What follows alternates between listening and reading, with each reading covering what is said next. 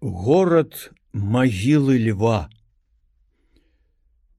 Пойдзем па старажытных волаках продкаў і перабяромся з двінскай балтыйскай сістэмы в сістэму рэк чарнаморскага басейна. Поплывём уніз па дняпры і прыбудзем у магілёў Горад таксама вельмі сучасны, размешчаны на правым высокім ярамі пасечаным беразе ракі пры ўпадзенні яе дубровенкі. Гэтыя мясціны былы ўрочышчы забудаваныя новымі гмахамі, носяць назвы машакоўка дзебры.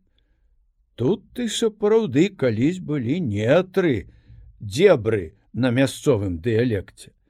Легенда, выдатна апрацаваная янкам купалам, кажа, што жыў у гэтых нетрах вялікі разбойнік Машека. Стаў ён гразой наваколля, пасля таго, як жадаючы зарабіць на вяселле, пагнаў на ўкраіну плыты. А тым часам князь сілай узяў у замак яго нявесту. Уварвацца ў замак нават такі асілак не мог. Машека зрабіў сабе ў пушчы под каранямі логава, адзеўся ў воўчыя шкуры, якія так і прысохлі на ім, і хутка ўсе перад ім трапяталі. Аднойчы яму ўдалося перастрэць вазок князя, разагнаць варту, в адзінаборстве забіць уладара, а жанчыну, што ехала з ім прынесці да сябе тая аднак за гэты час прывыкла да раскошы і золата збэсцілася і калі машека заснуў забіла яго ножом. Над ім насыпалі гару. Яго высокую магілу дзе лес ды ветер панаваў знаць што вялікую меў сілу магілай льва народ назваў. Над ёю з часам дрэвы палі, і горад вырас як зямлі. Яго магілевам назвалі, бо інакш прыдумаць не маглі.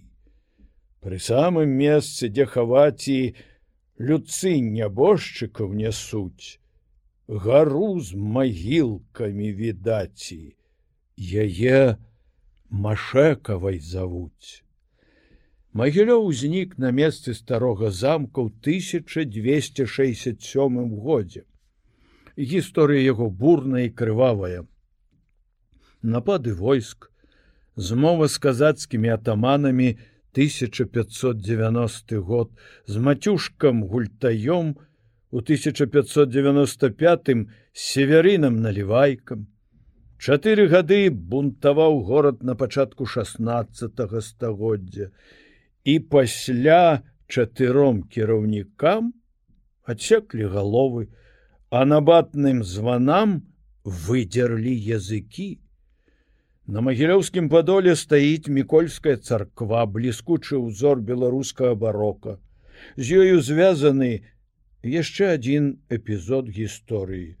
Пры ёй, у цярэшка, который про скуры заведаў, жыў некаторы час у бязведамнасці сціплы школьны настаўнік Дмітр нагі. Тут зарадзілася ў яго ідэя. Тут ён пачаў яе выконваць і, магчыма, атрымоўваць інструктаж ад пэўных колаў і грамадзіць паплечнікаў каб пасля ўзляцець на адну з вяршынь зямной магутнасці пад імем цара Дмітрыя, а пасля бяслаўна ўпасці з яе лжэ Дмітрыем другім. Былі тут і шведы і іншая навалач, але пра гэта доўга ды да цяжка расказваць. У вялікую айчынную вайну горад дужа доўга, 25 дзён з першага по 26 ліпеня 1941 года трымаўся, быў моцна разбураны і помнікаў старажытнасці ў ім мала.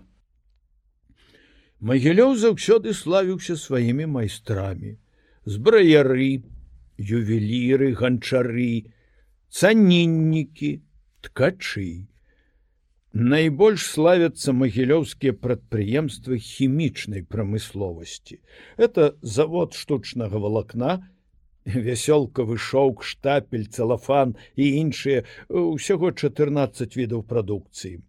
Камбінат сінтэтычнага валакна, штапельнае валакно камвольнага, шарсцянога, льнянога і баваўнянага тыпу і гэтак далей.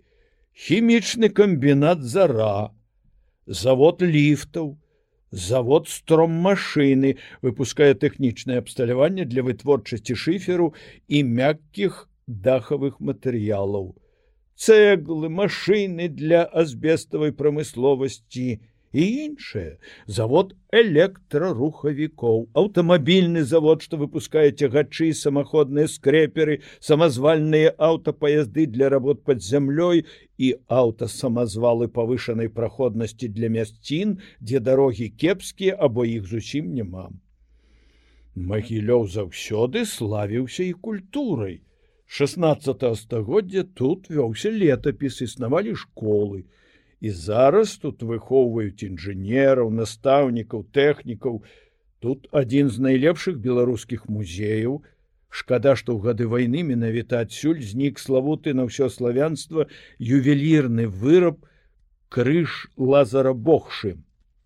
Зроблены быў у полацку загадам вялікай беларускай асветніцы і фрасінні полацкай.